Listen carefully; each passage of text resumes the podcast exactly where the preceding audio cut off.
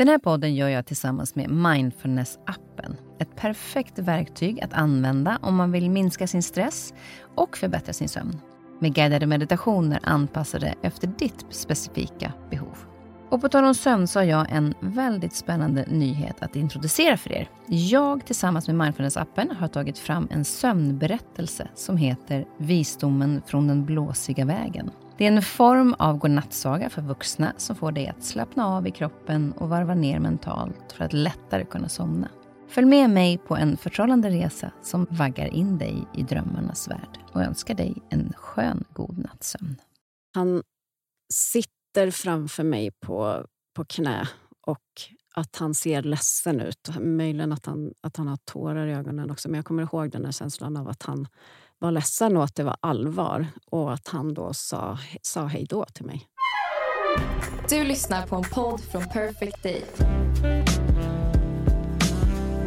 I veckans avsnitt träffar jag författaren, kommunikatören, skribenten och redaktören Johanna Wallin. Förra året kom hon ut med sin andra självbiografiska bok Ingen vanlig pappa, som man bara har. Som handlar om sökandet efter hennes pappa Peter som försvann när hon bara var fem år. Ett sökande som pågick i närmare 25 år och det via lögner, svek, mörka hemligheter men också nya familjemedlemmar som hjälpte Johanna på vägen. Vi pratar om vad hon minns när han försvann, vem han var eller vad han har sagt att han har varit. Var han den pappa hon minns eller den Peter som hennes mamma fick två döttrar med? Johanna berättar också om vikten av att förstå var man kommer ifrån för att bli hel i sig själv. Hennes sökande har tagit henne till delar av världen där hon varit bosatt i flera år. Och jag är också nyfiken på vad sökandet i övrigt har gett henne i livet med alla möten med människor och ny familj som hon mött. Och känner hon sig hel idag?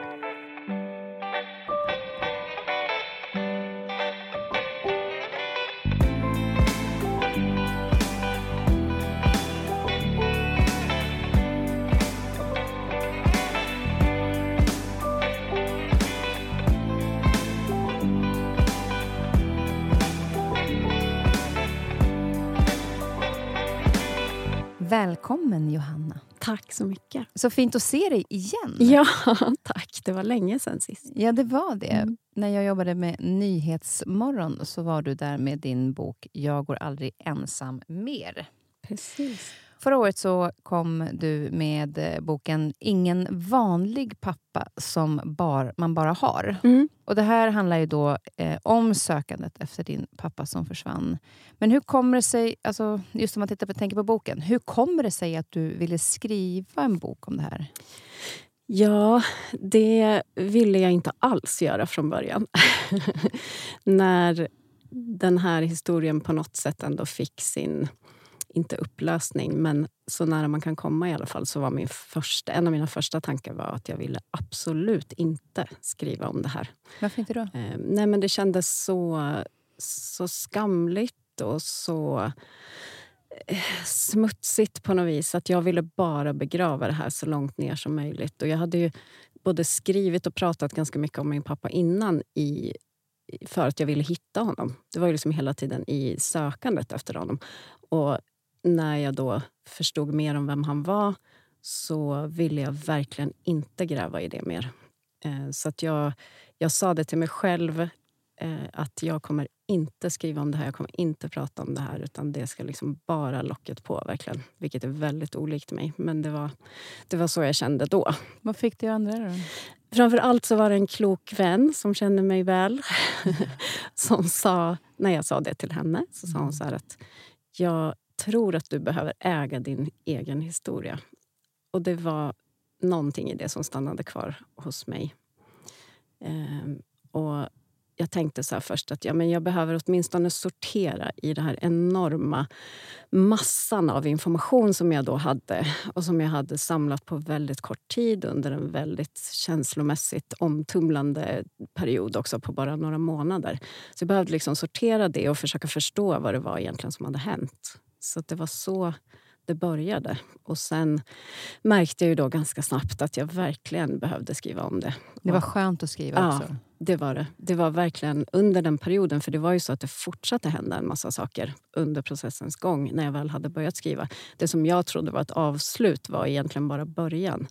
och då var det verkligen min så ljuspunkt i tillvaron var när jag fick sätta mig och skriva.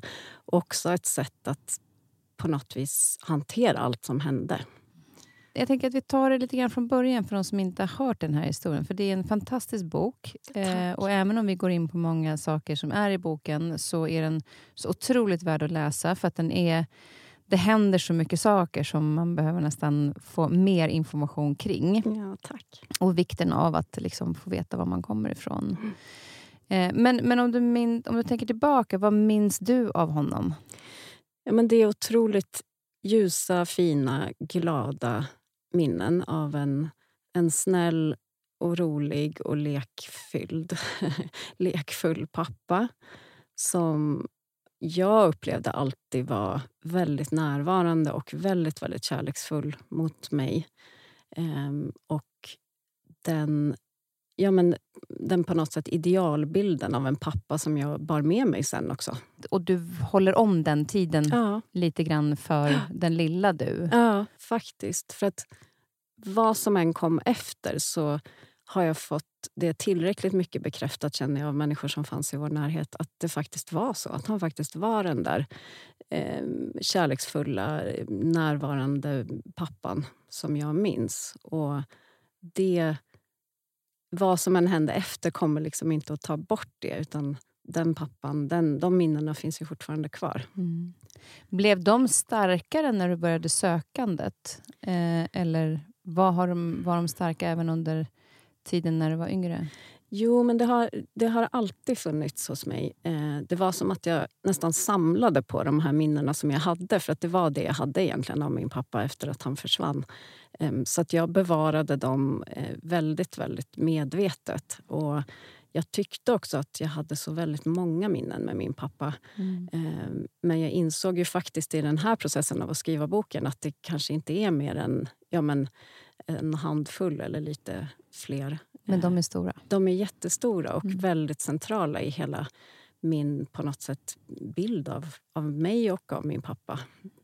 För när han eh, sen försvann eh, så var inte det första gången. Nej. Utan han hade försvunnit en gång tidigare. Eh, hur gammal var För det var efter också du hade blivit född. Ja. Han var ju fem år när han försvann. försvann. Ja, precis. Han försvann för gott eh, på våren innan jag skulle fylla fem och jag fyllde på sommaren.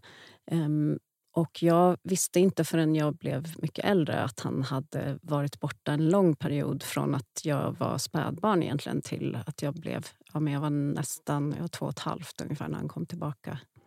Och den tiden kommer inte du ihåg? Nej.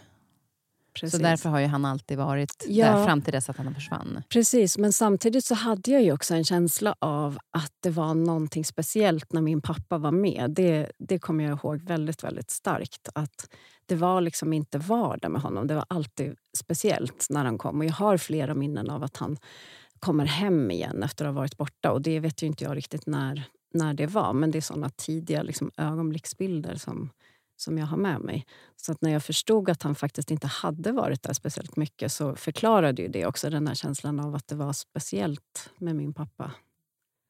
Men jag tänker också på det här med eh, när den här dagen när han försvann.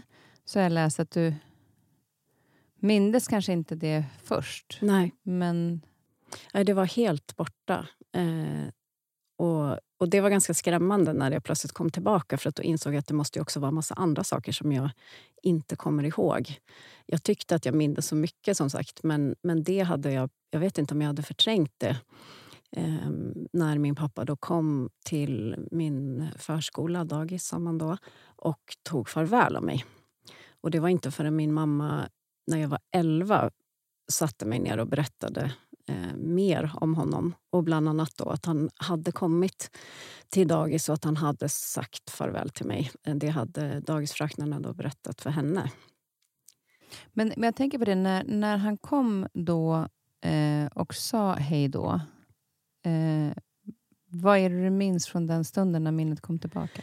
Ja, men det är att han sitter framför mig på, på knä och att han ser ledsen ut. Möjligen att han, att han har tårar i ögonen också. Men jag kommer ihåg den här känslan av att han var ledsen och att det var allvar. Och att han då sa, sa hej då till mig. Mm. Ehm, och sen minns jag inte om han sa någonting mer. Jag minns inte hur jag svarade honom, vilket jag grämer mig över och har oroat mig över också vad han fick för svar. Ehm, och sen är det som att liksom strålkastaren släcks igen. För det var väl så också att, att eh, du blev inte hämtad den dagen? Nej, precis. Eh, de ringde hem till, till mamma och frågade när jag skulle hämtas för att det var snart dags att stänga. Eh, och Då visade det sig att, eh, ja, att min pappa som skulle hämta mig inte hade dykt upp. Men att han då hade varit där tidigare på dagen, men gått igen. Mm. Förstod din mamma då på en gång att han... Jag tror att hon var väldigt, väldigt rädd för det ganska snabbt. Ehm, just eftersom att han hade försvunnit en gång tidigare. Och eh, Sen hittade hon ju också då en lapp som han hade skrivit där han i princip väldigt kort meddelade att han gav sig av och att han inte var den som han hade utgett sig för att vara.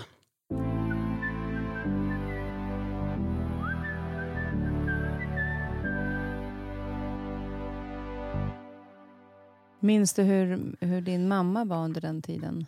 Nej, det är jätte, väldigt otydliga minnen av en, en konstig period överhuvudtaget. För att det, var, det min mamma sa till mig var att min pappa hade behövt åka till England, där han kom ifrån och att han behövde finnas där för min farmor, då, som jag aldrig hade träffat. Eh, hans mamma som var, var sjuk eller på något sätt behövde honom. Samtidigt så var ju då min mamma höggravid. Hon väntade min syster som föddes en månad senare. Och jag hade nog ganska snabbt en känsla av att det var någonting mer. För att jag har ja, men vissa minnen av att min mamma var väldigt ledsen och att det var allvarliga samtal mellan vuxna som, som liksom tystnade när jag kom. Ehm, och, och Sen gick ju tiden och han kom inte tillbaka. Och ingenting blev riktigt sagt heller. Eh, jag tror att jag frågade då och då och då var det liksom hela tiden otydliga svar. Och jag tror att det är nog bland det värsta för barn, när det är otydligt och när det känns väldigt skrämmande för att det är saker man inte förstår. Och svårt också som förälder, tänker mm. jag, som för din mamma. Ja. Hur ska jag säga det här? För han kanske dyker upp imorgon. Ja. Alltså inte veta. Precis. Precis, och det har jag tänkt på jättemycket. Vad hade varit det bästa att göra. Eh, och just som du säger, att han hade försvunnit förut, han hade kommit tillbaka. Han skulle kunna göra det igen. Eh, och samtidigt så gick tiden och, och, han hördes inte av och han kom inte tillbaka. Mm. Men det, det var under den här tiden när man till exempel går i skolan och folk pratar om sina föräldrar och mm. jag ska hem och mamma och pappa. Hur var det för dig då när du egentligen inte visste riktigt vad pappa var? Ja. Var, var det konstigt att mm, det förhålla sig till det med kompisar? Ja, det var väldigt konstigt. Och Jag vet att jag, jag valde liksom olika strategier vid olika tillfällen. Um, antingen att jag Ja, men att jag inte låtsades om att det inte fanns en pappa med i bilden eller att eh, han eh, var borta, bortrest eller att han... Eh, jag pratade honom i, i, om honom i imperfekt som att han, ja, han kom från England, min pappa var från England och att det på något sätt då innebar att han inte levde längre eller att han inte fanns kvar hos oss. Eh, men det var jättesvårt att veta hur jag skulle liksom förhålla mig till det. Och det fanns ju andra som inte, i vår närhet som inte hade sina pappor heller. Så det var ju liksom inte helt unikt. Men då visste man ju var pappan fanns någonstans. Och Det var en pappa som man kanske träffade eh, på helgerna eller liksom eh, på loven eller så. Eh, och en del som naturligtvis också bodde hos båda föräldrarna. Men, men att, det fanns, att det var en ensamstående mamma var inte så ovanligt i, i vårt sammanhang. Men just det här att det var en pappa som liksom bara var diffust försvunnen var ju naturligtvis jättekonstigt och svårt att förhålla sig till. Det är ju en väldigt speciell historia också. Eh, din mamma tog sedan ett samtal med dig när du var 11. Mm. Du får ta en kopp kaffe om du Tack. vill. Så kan jag, ta, kan jag ta frågan igen bara. kan jag ta en kopp också? Tack. Eh, ja, din mamma hon eh, tog ett samtal med dig när du var 11. Mm. Eh, vad minns du från det? Eh, ja, men det var en ganska chockartad upplevelse. för att då, då hade det ju gått sex år eh, av att min pappa var försvunnen.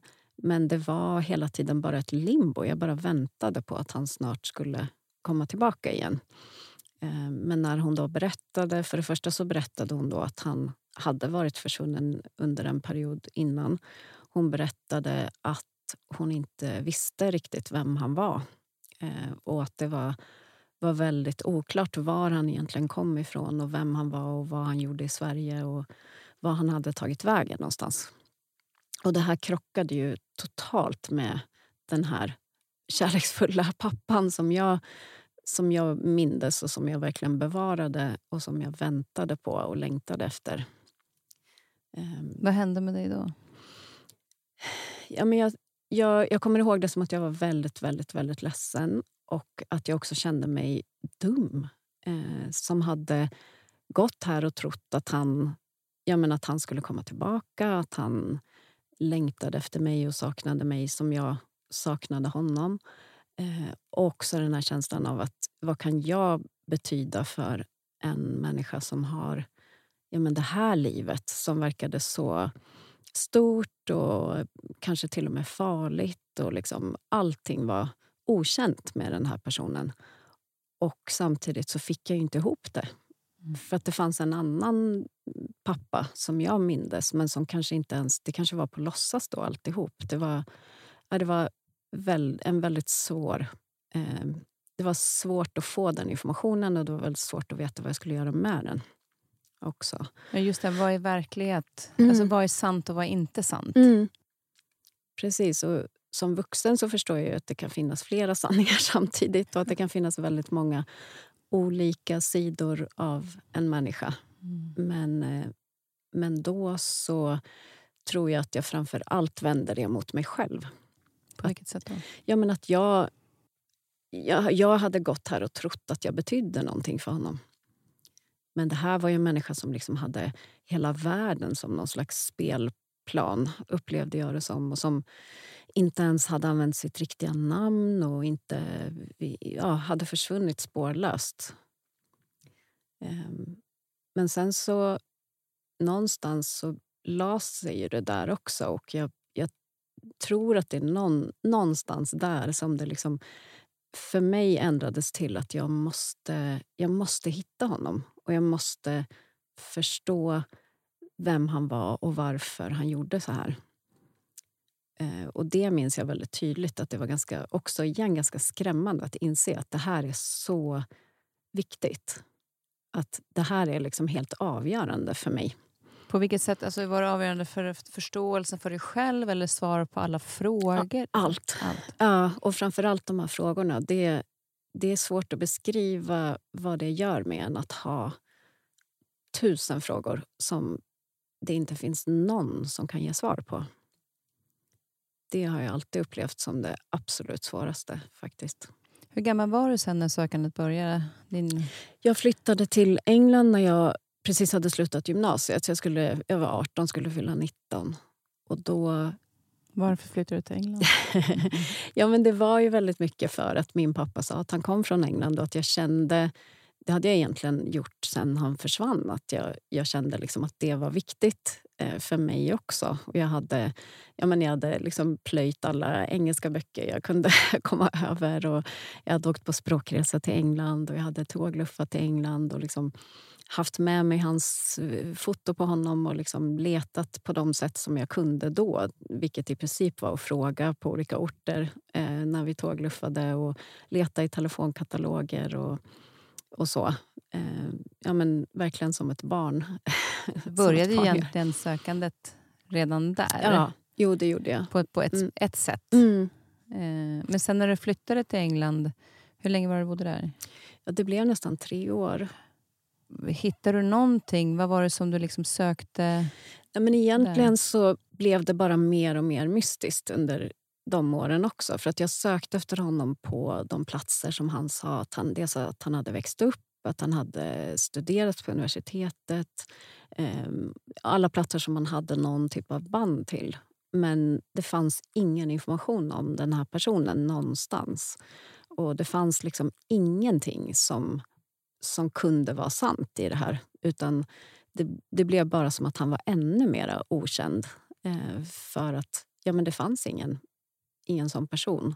Var det för att det också gick upp för dig kanske att han har han ljugit om det här? Alltså han har skapat en bild om sig själv som inte är sann. Ja, precis. Och att det skulle ju kunna vara så att det finns någonting i det här som är sant men det kan också vara så att hela, hela den här historien egentligen kommer från någon annan eller är helt uppdiktad. Så det fanns liksom ingenting att på något sätt börja nysta i. För att var jag än kom och igen följde med, liksom, tog med hans bild och tog med hans, de papper jag hade eh, sökte i register i skolor och på universitetet och sådär. Men, men det fanns ja, han fanns ingenstans helt enkelt. Så att, ja.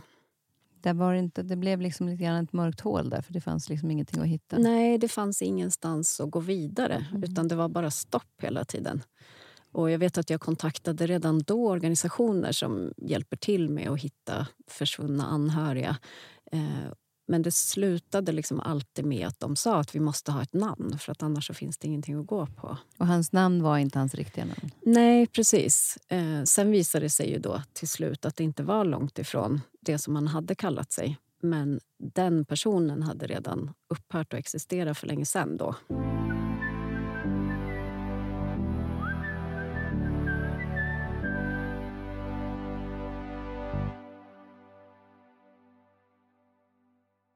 När du då var klar med England mm. eh, så åkte du också vidare till ett annat land, mm. Israel. Som, ja. Var det också med pappa att göra? Ja, oh ja mm. verkligen. Eh, att jag överhuvudtaget intresserade mig för liksom, den delen av världen handlar jättemycket om honom. Han, Vad hade han för connection dit? Då? Jo, men han, sa, han sa att han var jude eh, och han sa att han hade tillbringat mycket tid i Israel. Och det hade jag vid det laget kunnat bekräfta också. Att han faktiskt hade varit, åtminstone vid några tillfällen, på olika ställen.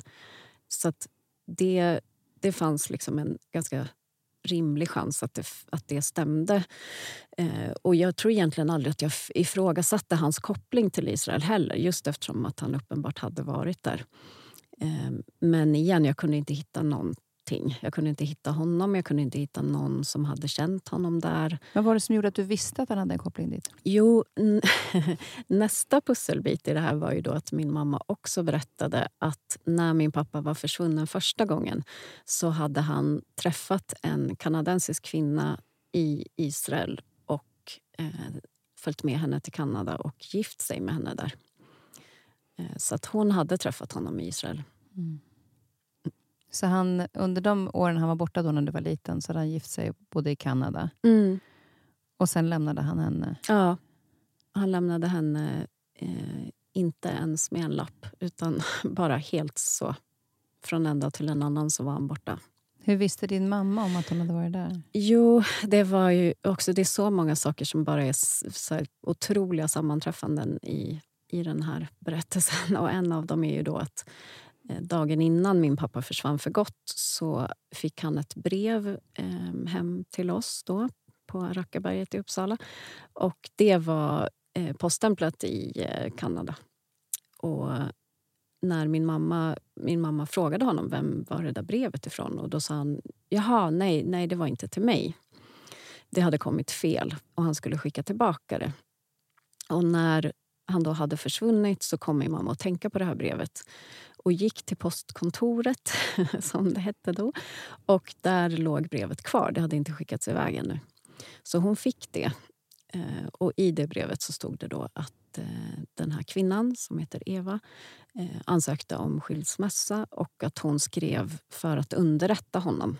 Och hon skrev också att hon hade liksom inga förhoppningar om att det här brevet skulle nå honom. Men enligt lag så var hon tvungen att göra vad hon kunde för att åtminstone underrätta honom. Så så var det. Och då skrev min mamma till Eva och så började de pussla ihop sina, sina berättelser, sina eh, erfarenheter av den här personen som de båda hade älskat och blivit lämnade av. Som din mamma gjorde parallellt med att hon då var höggravid mm. eh, och hade en femåring som hade blivit lämnad av sin pappa. Mm. Precis. Eh, vilken situation hon var i. Mm. Eh, ja. måste jag säga. Men just det här att du då åkte till Israel och eh, där blev du kvar ett tag. Ja, det var ju så att jag eh, redan som ung vuxen började intressera mig mycket för vad som hände i Israel och Palestina. Och eh, jag hade velat åka dit länge men jag kände också att jag, jag behövde liksom ha ett syfte med det. Så till slut så eh, åkte jag på ett tre månaders uppdrag som eh, följeslagare kallas det för. Och då är man placerad på olika orter eh, på Västbanken eller i Jerusalem. Och eh, jag var placerad på Västbanken. Eh, och under de tre månaderna så blev jag verkligen fast. så att jag åkte inte hem, utan jag stannade kvar. Eh, och sen fortsatte jag att vara engagerad i ett palestinskt flyktingläger där det finns ett kulturcentrum som jag har jobbat på i många, många år. Och parallellt då så har jag också letat efter min pappa, eller efter spår, spår efter min pappa åtminstone. Mm. Men kom du fram någonstans i sökandet när du var där nere? Fick du något mer? Nej, jag, jag, hittade, jag träffade personer som tyckte att de kände igen min pappa. Eh, faktiskt på flera ställen. Och eh, som ja, försökte på alla sätt att hitta andra som kunde känna honom. och, och så. Men det gav aldrig någonting. Så att jag vet ju fortfarande inte om det var så att han faktiskt brukade dyka upp där då och då eller om, om, han, eh, inte, om det inte var samma person. Mm. Men du, hur länge blev du kvar? Skulle flera år? Ja, många år. Många år. jag har eh, bott och arbetat i, eh, i Palestina, då, på Västbanken, i nästan ja, vad är det, nio år sammanlagt. Eh, speciellt nu, vi ska inte hinna prata så mycket om det, men jag förstår att det är väldigt speciellt för dig nu också eftersom mm. det ser ut som det gör. Ja.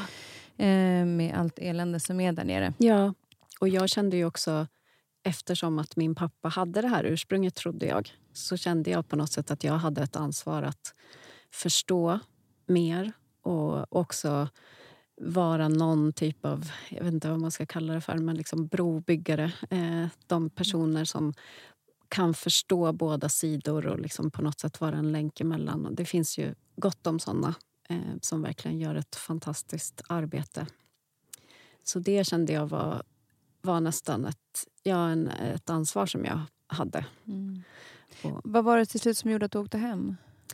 Jag har, eh, nu har jag tre barn, men då hade jag två barn. Och eh, Vi hade bott då i det här flyktinglägret under deras första år. Min dotter var nästan sex år när vi flyttade hem. Och Det var dags att börja skolan.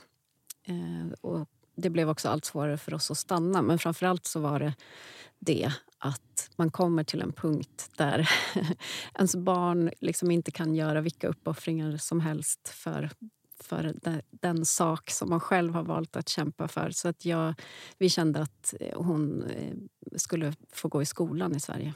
Mm. Så det var då vi flyttade hem. Men eftersom du inte kom någon vart med sökandet egentligen, förutom att det var någon som kände igen honom, kunde du känna någon gång att du nästan var på väg att ge upp? Nej, eh, konstigt nog. Alltså det har varit långa pauser när jag inte har sökt efter honom. Och när jag, eh, varje gång som jag liksom har kommit in i någon av de här återvändsgränderna så har jag känt att det har tagit så otroligt mycket energi att jag på något sätt har fått lägga det lite åt sidan. Men det har aldrig varit ett alternativ att jag skulle bara ge upp. Mm. Eh, Utan mest bara vila lite och ja. hitta ny kraft och fortsätta. Ja, precis. Eh, och Många gånger har jag ju känt att det inte finns mer att göra också. Men sen har olika saker hänt som jag liksom har satt igång det igen. Mm. Och Det var en sak som hände som gjorde att det blev en tydlig vändning i det hela. Mm. Eh, någonting som jag tycker så här, när man tänker på tänker att jag hade aldrig trott att man kanske skulle få hjälp av den sidan på det sättet. Nej. Men du hittade någonting på Flashback. Mm. Berätta. Det gjorde jag. Ja, det var höst och det började närma sig min pappas födelsedag. Eller den födelsedag som han sa var hans födelsedag, åtminstone då när han var min pappa. Och eh, runt den tiden på året så är det liksom som att han alltid dyker upp extra mycket. Det är också här, mina föräldrars bröllopsdag och liksom många såna speciella dagar, datum. Eh, så jag sökte på hans namn och det brukar jag göra då och då. Och eh, jag har liksom aldrig några större förhoppningar egentligen om att jag ska hitta någonting eftersom jag har gjort det här så många gånger. Eh, och Det enda som brukar dyka upp är relaterat till mig eller mitt sökande efter honom. Men då, när jag gjorde det här den sista hösten då, så fanns det plötsligt en träff som var helt ny för mig och också visade sig ny. Den var eh, bara några veckor eh, gammal. Och den ledde till Flashback. Och det var ju så här, det var sånt där ögonblick som man liksom tänker, drömmer jag nu? Händer det här verkligen?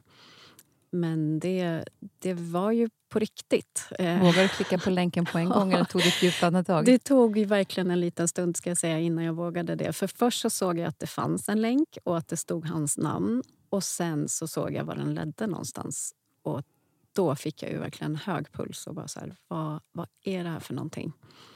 Men ja, då klickade jag mig in och eh, det visade sig då att det var en tråd som hade startats om min pappas försvinnande som eh, en grupp personer som jag fortfarande inte vet vilka de är som då är intresserade av att lösa mysterier och hitta försvunna personer som hade engagerat sig i, i min pappas försvinnande mm. av fortfarande egentligen okänd anledning. Men gick du då in och började jag började skumma de här inläggen. Jag hade aldrig varit på Flashback förut så jag visste överhuvudtaget inte vad, hur man gjorde riktigt. Mm. Men, men det här var ju då ett öppet forum och eh, titeln på det var eh, Mannen som försvann två gånger. och eh, Det var ganska många inlägg redan och jag försökte liksom bara förstå vad det här vad, vad det var för någonting. Så att jag läste dem och kände ändå ganska snabbt att det inte var, det var liksom inte några eh, tokiga konspirationsteorier utan det, var, det kändes ganska seriöst och, och det var också mycket frågor. Eh, detaljfrågor som jag ju insåg att jag faktiskt kan svara på en del av dem i alla fall. Men det var ju fortfarande med en känsla av att det var ja, men ganska overkligt, hela situationen. Att det plötsligt finns en grupp människor som, som söker efter min pappa. Mm. Kändes det också fint att de gjorde alltså var... Efter ett tag så slog ja. det ju mig. Alltså I början så var det ju mest skrämmande. Men sen så insåg jag att jag för första gången inte är ensam i det här sökandet. Hade de då hittat att du hade sökt honom mm. och det var så gruppen hade startats? Ja, mm. precis. Mm. Det var en jättegammal intervju med mig som var ja, men jag tror den var från 2009 eller nåt något sånt. Som, och det här hände? Det här var ju då hösten 21. Mm. Så, ja. så då satte det fart. Mm. Men vad jag förstår så var det ju faktiskt ett DNA-test mm. som fick dig att vara på riktigt rätt spår. Ja, precis. Ehm, det, det tog jag då till slut, och min syster. Och eh, under tiden som det här sökandet pågick i, i Flashback mm. med alla möjliga olika vinklar så väntade vi på, på det här svaret. då Eh, och när det till slut kom så var det för det första tusentals personer som, som vi hade gemensamt DNA med som var på väldigt, väldigt, väldigt avlägset eh, släktskap som jag nog inte tror att vi hade kunnat göra någonting med egentligen. Men sen var det två personer som stack ut. som var två män från England eh, som vi var ganska nära släkt med även om vi inte då visste hur. Eh, man får liksom olika teorier som det skulle kunna vara så här och det skulle kunna vara så här. Men någonstans runt så här, syssling, däromkring. Mm. Um, och uh, jag skrev till en av de här personerna. Det var en som liksom hade skapat ett släktträd och så där, som var aktiv på, på den här sajten. Så det var honom jag skrev till. Och bara så här hopp hoppades att han skulle svara. Mm. Eh, och det gjorde han. Eh, han heter Andrew. Och eh, jag hade skrivit väldigt så neutralt, för jag har lärt mig att man inte ska liksom ge hela historien på en gång. Jag var rädd att skrämma, skrämma bort honom. helt enkelt. Och Jag tänkte också att han, han kanske faktiskt känner min pappa. Och han kanske vet vem min pappa är och att han då blir på något sätt förvarnad om att jag är honom på spåren. Så att jag skrev att jag släktforskar och att jag, ja, det visar sig att vi är släkt med varandra och det skulle vara jätteintressant att, att veta mer om hur vi är släkt. Och då svarade han och eh, det här stämde väldigt väl överens med hans efterforskningar. Han, han var också ute på en resa att försöka hitta släktingar, ganska nära släktingar på sin pappas sida som han inte hade kontakt med alls eller ens visste vad de hette. Så att vi började leta tillsammans efter att vi hade fått kontakt med varandra. Visste han vem din pappa var? Nej, han hade ingen aning eh, om det. Men han blev inte så förvånad, även om det är en väldigt speciell historia. Men han, han hade väldigt många luckor i sin pappas eh, släktträd och många så här, ja, men, tragiska historier om, om eh, barn och föräldrar som hade helt förlorat kontakten med varandra. Nya familjekonstellationer på olika håll i världen. Eh, och väldigt många ja, okända släktingar som han ville hitta. Kom ni fram till hur ni var släkt? Alltså, Nej, det gjorde vi inte. Vi, vi, eh, vi började med att försöka skapa släktträd då, och försöka liksom följa de här olika grenarna. Vilket i sig är ett enormt arbete. För att Hamnar man fel någonstans så är man liksom helt fel sen. så det, ja, det, det var ett riktigt detektivarbete att försöka pussla ihop. Han sökte väldigt mycket i arkiv som han hade tillgång till i England. Ehm, det finns ju många så här militärarkiv där ja, det finns både förteckningar över soldater och var de har varit placerade någonstans men också foton och så. Medan jag sökte mer digitalt och också försökte kontakta människor för att försöka få svar på om de, är, är den här personen släkt med den här eller är det fel. Ehm, eh, och jag fick väldigt få svar på, på alla de här många hundra meddelandena som jag skrev. Och sen parallellt med oss så jobbade ju också den här Flashbackgruppen på och följde liksom alla olika trådar. Men jag vet ju också att du hittade... Eh, det var inte bara kvinnan i Kanada, utan senare hade det var någon kvinna som också du hittade en bror. Precis. Eh, Hur, kom du, hur hittade du dit? Ja, det var... Det tog ett bra tag, men till slut då så fick jag kontakt med eh, några personer som gjorde att jag förstod vem min pappa hade varit eh, i vad ska man säga, det, det senare kapitlet av sitt liv. Och de visste att han hade gift sig med en kvinna från Tyskland och att de hade fått ett barn. Eh, och då hade jag förnamn på den kvinnan och sökte vidare tillsammans igen då med Flashback. och till slut så hittade vi den här eh, personen som heter Jonathan och som är min halvbror. Yngre eller äldre? Yngre. Ja. Mm, han är ganska mycket yngre än mig.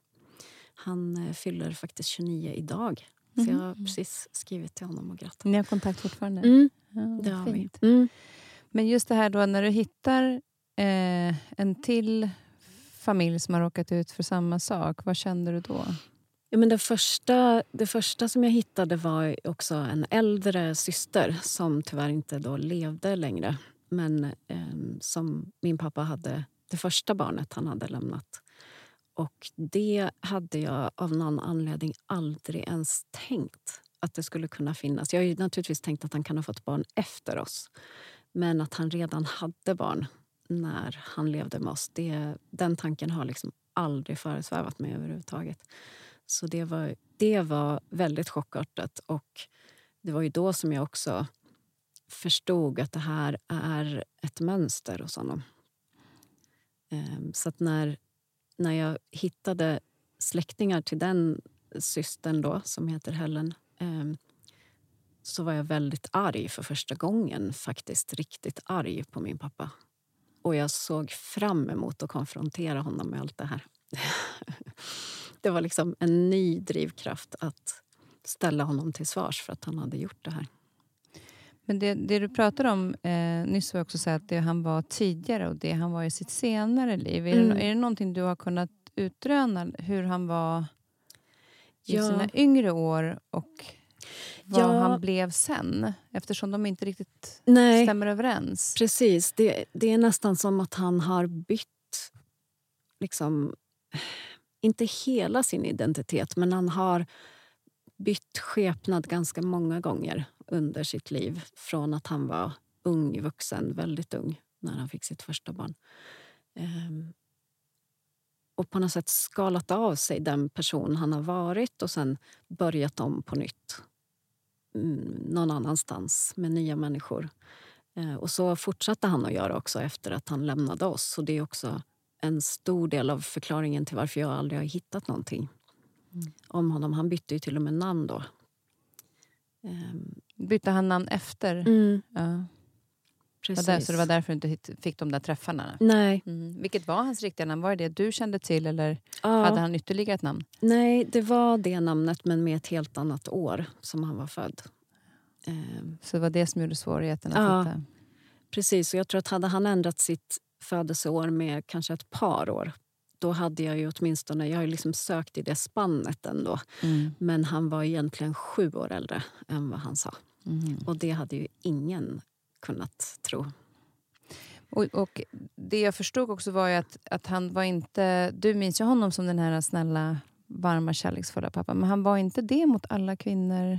Nej, Nej men precis. Och, och det är ju... Det är naturligtvis olika hur en människa uppfattas av barn och vuxna. Mm. Eh, och I mitt fall särskilt så var ju jag så liten när han försvann. Att jag hade ju fortfarande verkligen ingen distans till någon av mina föräldrar. Det, det, man är ju väldigt okritisk till sina föräldrar som väldigt liten. Och sen sen så, så kommer det på något sätt fler lager i deras personer också ju äldre man blir. Men eh, han, han har ju varit i alla sina relationer väldigt, väldigt självisk, eh, i min upplevelse. Han har utgått i väldigt stor utsträckning efter, utifrån vad som är vad han vill och vad som är bra för honom. Ehm, och han har också med min bror, då, min halvbror som ju är som jag sa, mycket yngre och som också levde med min pappa längre. Han var nästan tio när min pappa försvann. Eller vår pappa mm. försvann. Mm. Eh, Jonathan levde ju då med, med vår pappa fram till att han var nästan tio. Och som liten så verkar de ha haft en relation som var ja, men precis så där fin och, och kärleksfull som min relation med min pappa var. Men ju äldre han blev, desto mer komplicerad blev också deras relation. Eh, och de sista åren så, så har han inte så bra minnen av vår pappa. Eh, han har berättat om många tillfällen när han ifrågasatte sin pappas eh, åsikter eller liksom hans, sin pappas auktoritet tror jag överhuvudtaget. Och det tyckte han inte alls om. Eh, så dels så tror jag att, det, att han har också förändrats under de här åren. Han har ju, det är flera decennier emellan och han har levt ett liv där han har varit säkert väldigt utsatt och liksom känt sig jagad av vad det nu är som har funnits med honom från hans förflutna. Eh, och blivit äldre förstås också. Mm. Men sen också att Jonathan faktiskt var äldre och kom hem från skolan och hade fått höra saker som hans pappa inte höll med om. Och Det var väldigt mycket såna diskussioner. Eh, han tyckte inte heller att hans pappa var så snäll mot, mot hans mamma. då.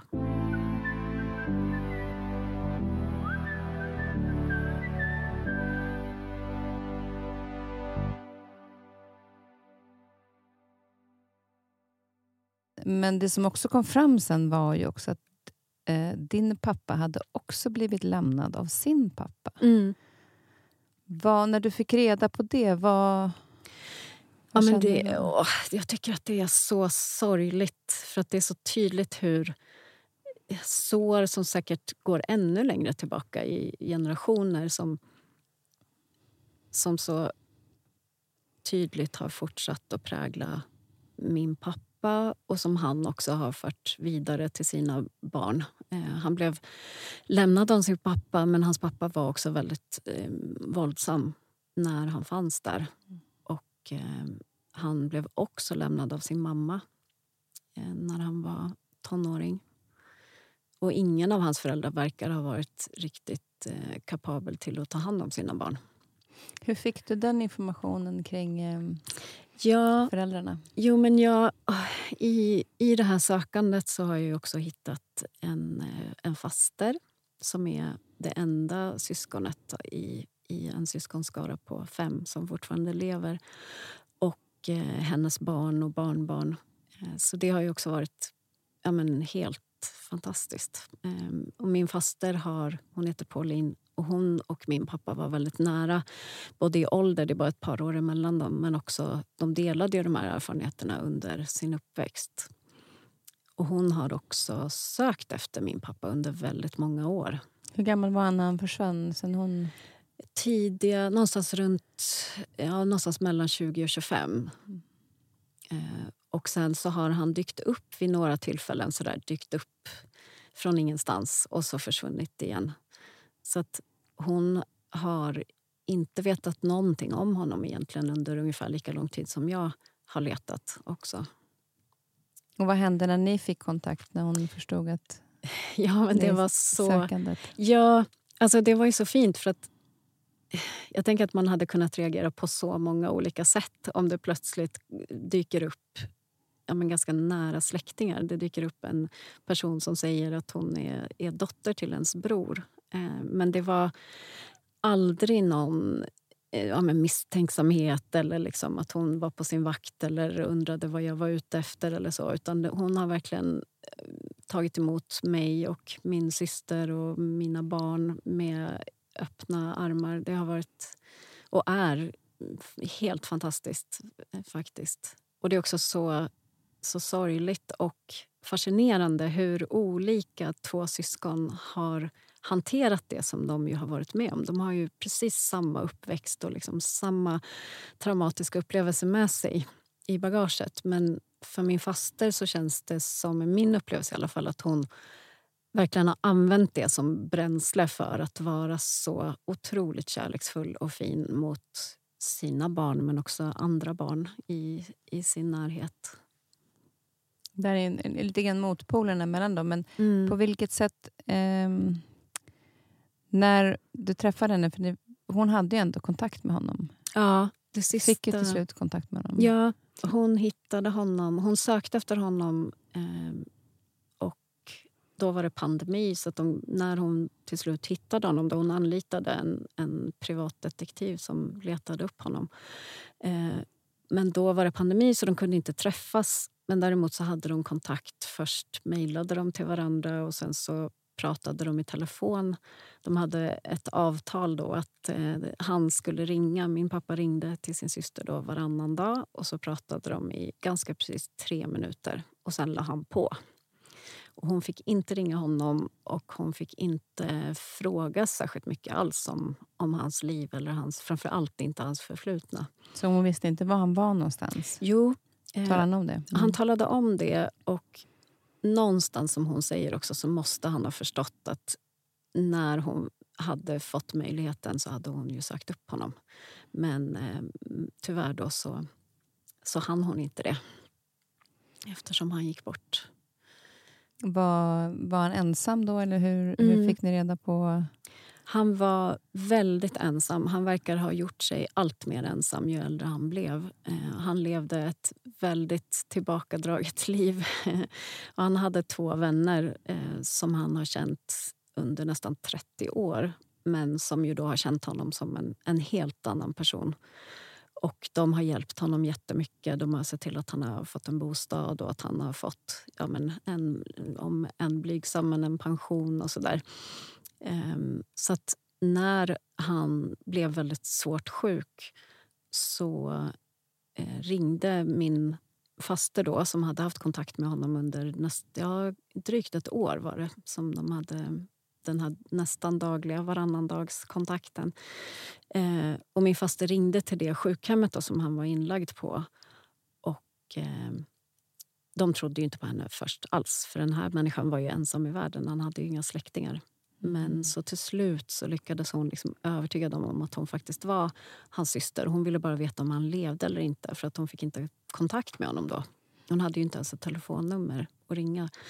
Um, och då hade vårdpersonalen talat om för de här vännerna att en syster till Peter då har ringt. Och de reagerade ju likadant. Alltså, nej, nej, det här är, det är någon bedragare för att han har inga syskon. Han inte... De visste inte om hans syster? Nej. Mm. Så att det här uppdagades verkligen precis här på, när han låg på dödsbädden. Eh, och då så ja, det var inte mycket han avslöjade, men ja, att han hade en syster. Mm. Så sen höll de kontakt med varandra och de här vännerna förstod att, att han var en helt annan person än vad han hade utgett sig för att vara. Vart bodde han då sista tiden? Han bodde i Surrey som är ja, söder om London. Ja, så han var i England? Mm, han var tillbaka i England. Han har gjort sin rundtripp. Mm, verkligen. kan man säga. Mm. Vad betydde det för dig sen till slut att du hann ju aldrig träffa honom Nej. men du fick ett svar på vad han hade tagit... Alltså Ja. att han fanns. Precis.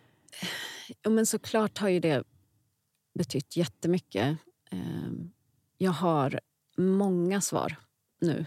Jag har långt ifrån alla svar, men jag vet vem min pappa var och jag vet var han kom ifrån. Han har liksom blivit mänsklig. Han har nästan varit som en mytisk figur för mig. Ehm, jag har liksom burit med mig den här bilden av honom som jag hade som liten har följt med mig under alla år egentligen, som vuxen också. Och nu har han på något sätt blivit tredimensionell. Och liksom, jag förstår att han har varit en människa som alla andra. Han har haft en vardag. Han har eh, levt olika liv, kan man väl säga. Men det genomgående temat är väl att han har varit väldigt ensam. Och att han har hållit människor ifrån sig också. Även de som har älskat honom. Och eh, jag kommer ju aldrig få svar på hur det här kändes för honom och varför han överhuvudtaget började med att dölja sin identitet och att ljuga för människor i sin närhet. Eh, det är väldigt svårt att förstå vad han har fått ut av det egentligen. Och ibland så tänker jag att det kanske bara är omständigheter. En, en person som har varit ganska trasig, tror jag och som inte har kunnat hantera det som har hänt honom på något annat sätt än att bara fly ifrån. Mm.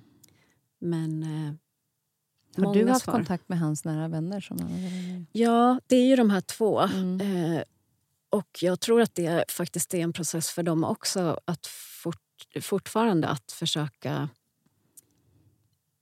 Jag kanske, kanske inte förlåta, men att försöka förstå att han har gjort så här mot dem. Mm. För de har verkligen varit hans allt. Han har ju inte haft någon annan då som de har känt till. Eh, och de har känt sig väldigt nära honom. Det har liksom varit som en nära släkting för dem.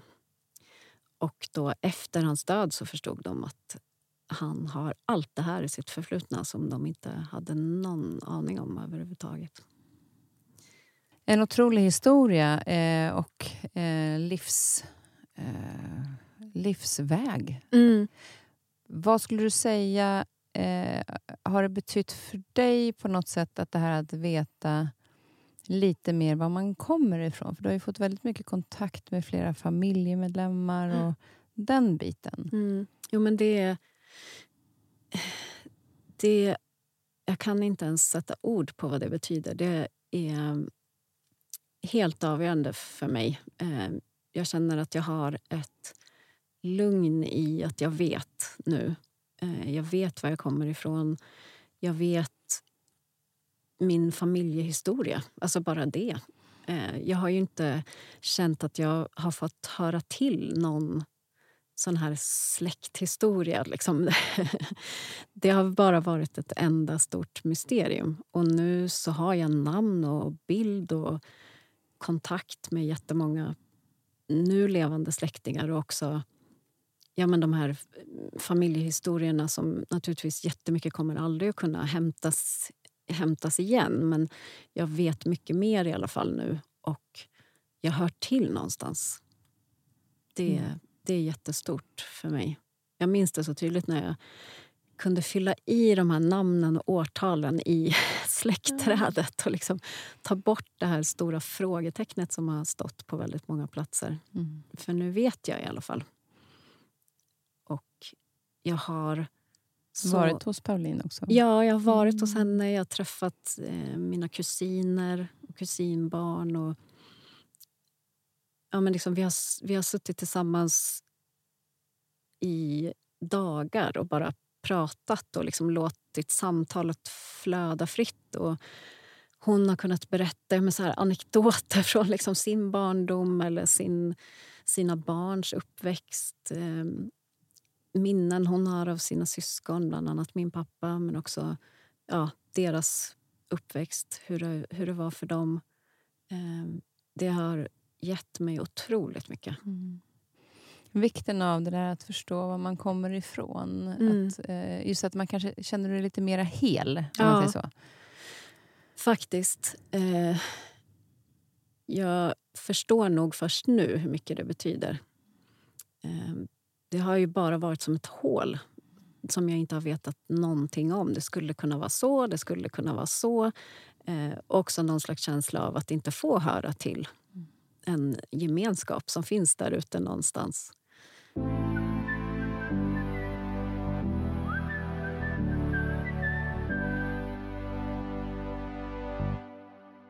Ja, om man tänker på vart du var någonstans när du liksom var i England flyttade dit första gången mm. och du inte hittade någon, någonting och inte i Israel eh, till vad du faktiskt kom till. Mm. Så eh, även om det tog 25 år mm. av sö aktivt sökande, det var ju länge sedan han försvann, men ja. som du liksom har sök varit honom på spåren på något sätt. Mm. Ibland kanske lite vilsen, för att mm. han har lett åt olika håll.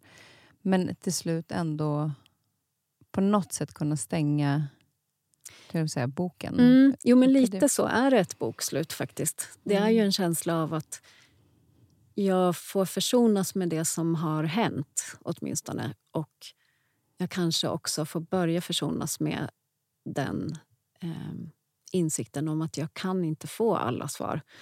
Och har du kommit dit än? Nej, jag har väldigt svårt att acceptera det.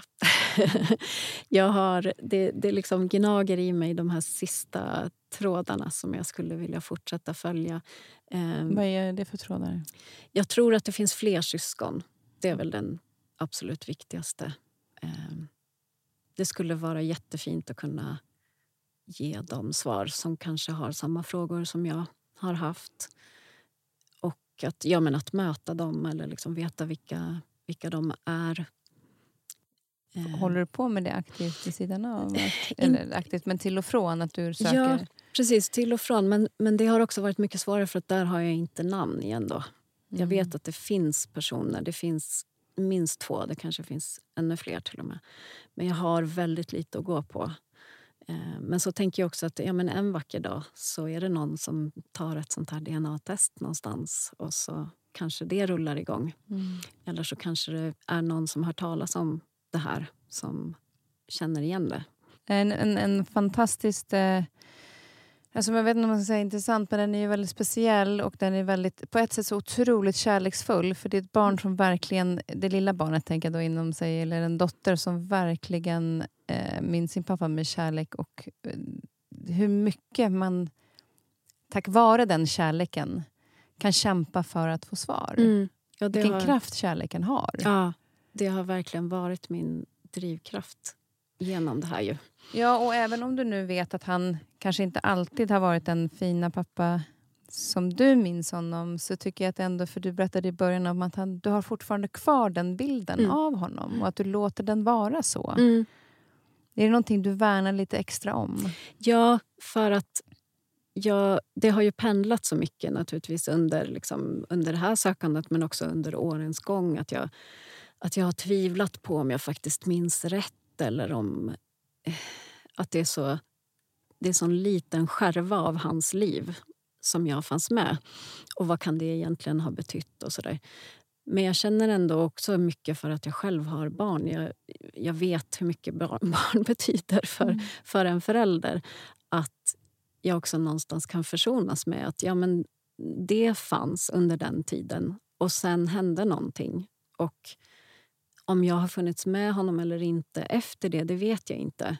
Men det fanns och det är som en liten kapsel som jag kan bevara och som jag också har rätt till. Ja, verkligen. Och jag tänker också just det här att han kom och sa hej då till dig. Mm. Han försvann inte bara. Nej. Nej, precis. Och det... det känns ändå som att han... Eh, den kärl, alltså, det är ingen, att han försvinner är ju inte kanske en, en kärlek, men att han ville säga hej då. Mm. på något sätt blir liksom den lilla kärlekskapselns, inte slut, men på något sätt att han inte bara... Varför sa han aldrig hej då för? Mm. Att det för honom var en kärleksfull handling. Förstår du vad jag menar Mm. då? Och kanske, ja absolut. Och, Som intygar att, det du, att han var en kärleksfull pappa under den tiden, Mm. men av olika anledningar var tvungen att lämna. Men han ville ändå säga hej då. mm, Men fint att du har fått ett svar på var han tog vägen och att du har hittat din nya familj. mm, Det är ju verkligen en, på ett sätt en gåva som du har kämpat för. ja, det är det. Verkligen. Mm. Eh, och även om vi har pratat mycket om själva boken och berättelsen så är det så mycket mer kvar i boken att läsa. Hela den här eh, Hela resan som du gör är ju faktiskt helt fantastisk. Och jag tror också att det är väldigt fint för dem. Det finns ju andra som söker på, kanske på olika sätt. Mm. Inte just den här historien. Men, men just att inte ge upp hoppet utan att hitta det man kommer ifrån på olika sätt. Mm. Den, den kärleken från en dotter liksom, är väldigt stark. Mm. Bara det att skriva den här boken och att det var ju otroligt eh, läskigt. Inte att skriva, men att den sen skulle kunna läsas av andra. Det är ju att göra sig väldigt, väldigt sårbar.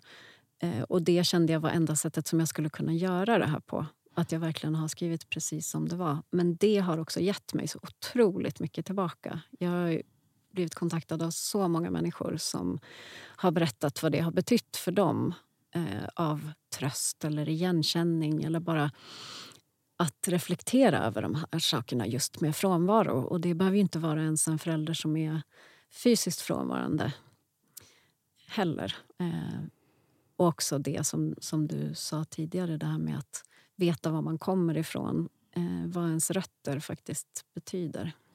Tack snälla för att du kom hit. Och eh, Boken den heter Ingen vanlig pappa som man bara har. Tack så mycket för att jag fick komma. Jag tänkte att vi skulle avsluta med en liten låt. Ja. Har du någon som du vill som betyder för någonting för dig eller som du bara lyssnar på just nu? Åh, det är så många. Musik är verkligen så viktigt för mig. Eh, Men en som har hängt med under väldigt många år är en låt som heter I will remember you av Sarah McLachlan, tror jag hon heter. Sarah McLachlan.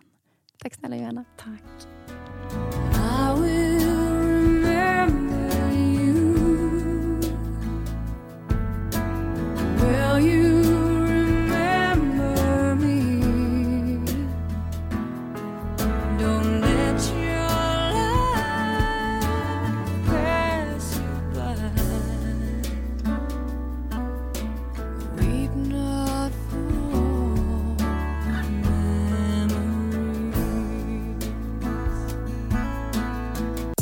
Podcasten är producerad av Perfect Day Media.